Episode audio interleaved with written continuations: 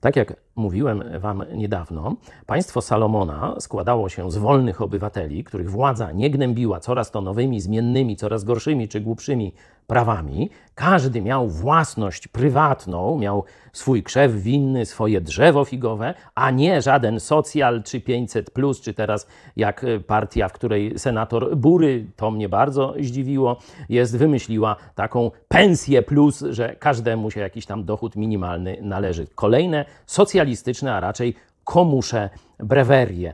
Ale chciałem dzisiaj Wam powiedzieć o tej drugiej części ludzi, którzy mieszkali w Izraelu, o e, niewolnikach, tych, którzy byli w kamieniołomach. Oprócz tam ich było, to jest pierwsza księga królewska, piąty rozdział, werset 15, 70 tysięcy tragarzy, 80 tysięcy robotników.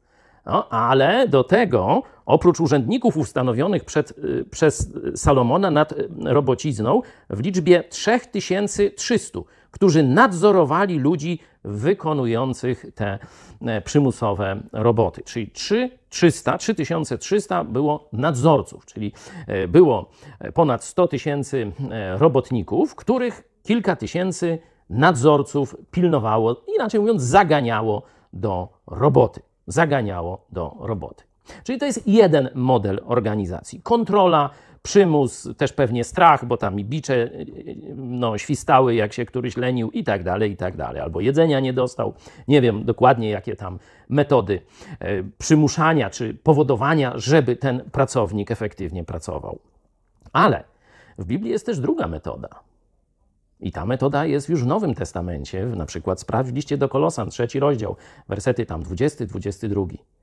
Tam Bóg mówi właśnie do pracowników: Nie pracuj tak, aby tylko jak cię widzi nadzorca, to cię chwalił i dał ci premię.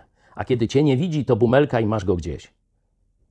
Do chrześcijan, pracowników jest bardzo poważne ostrzeżenie.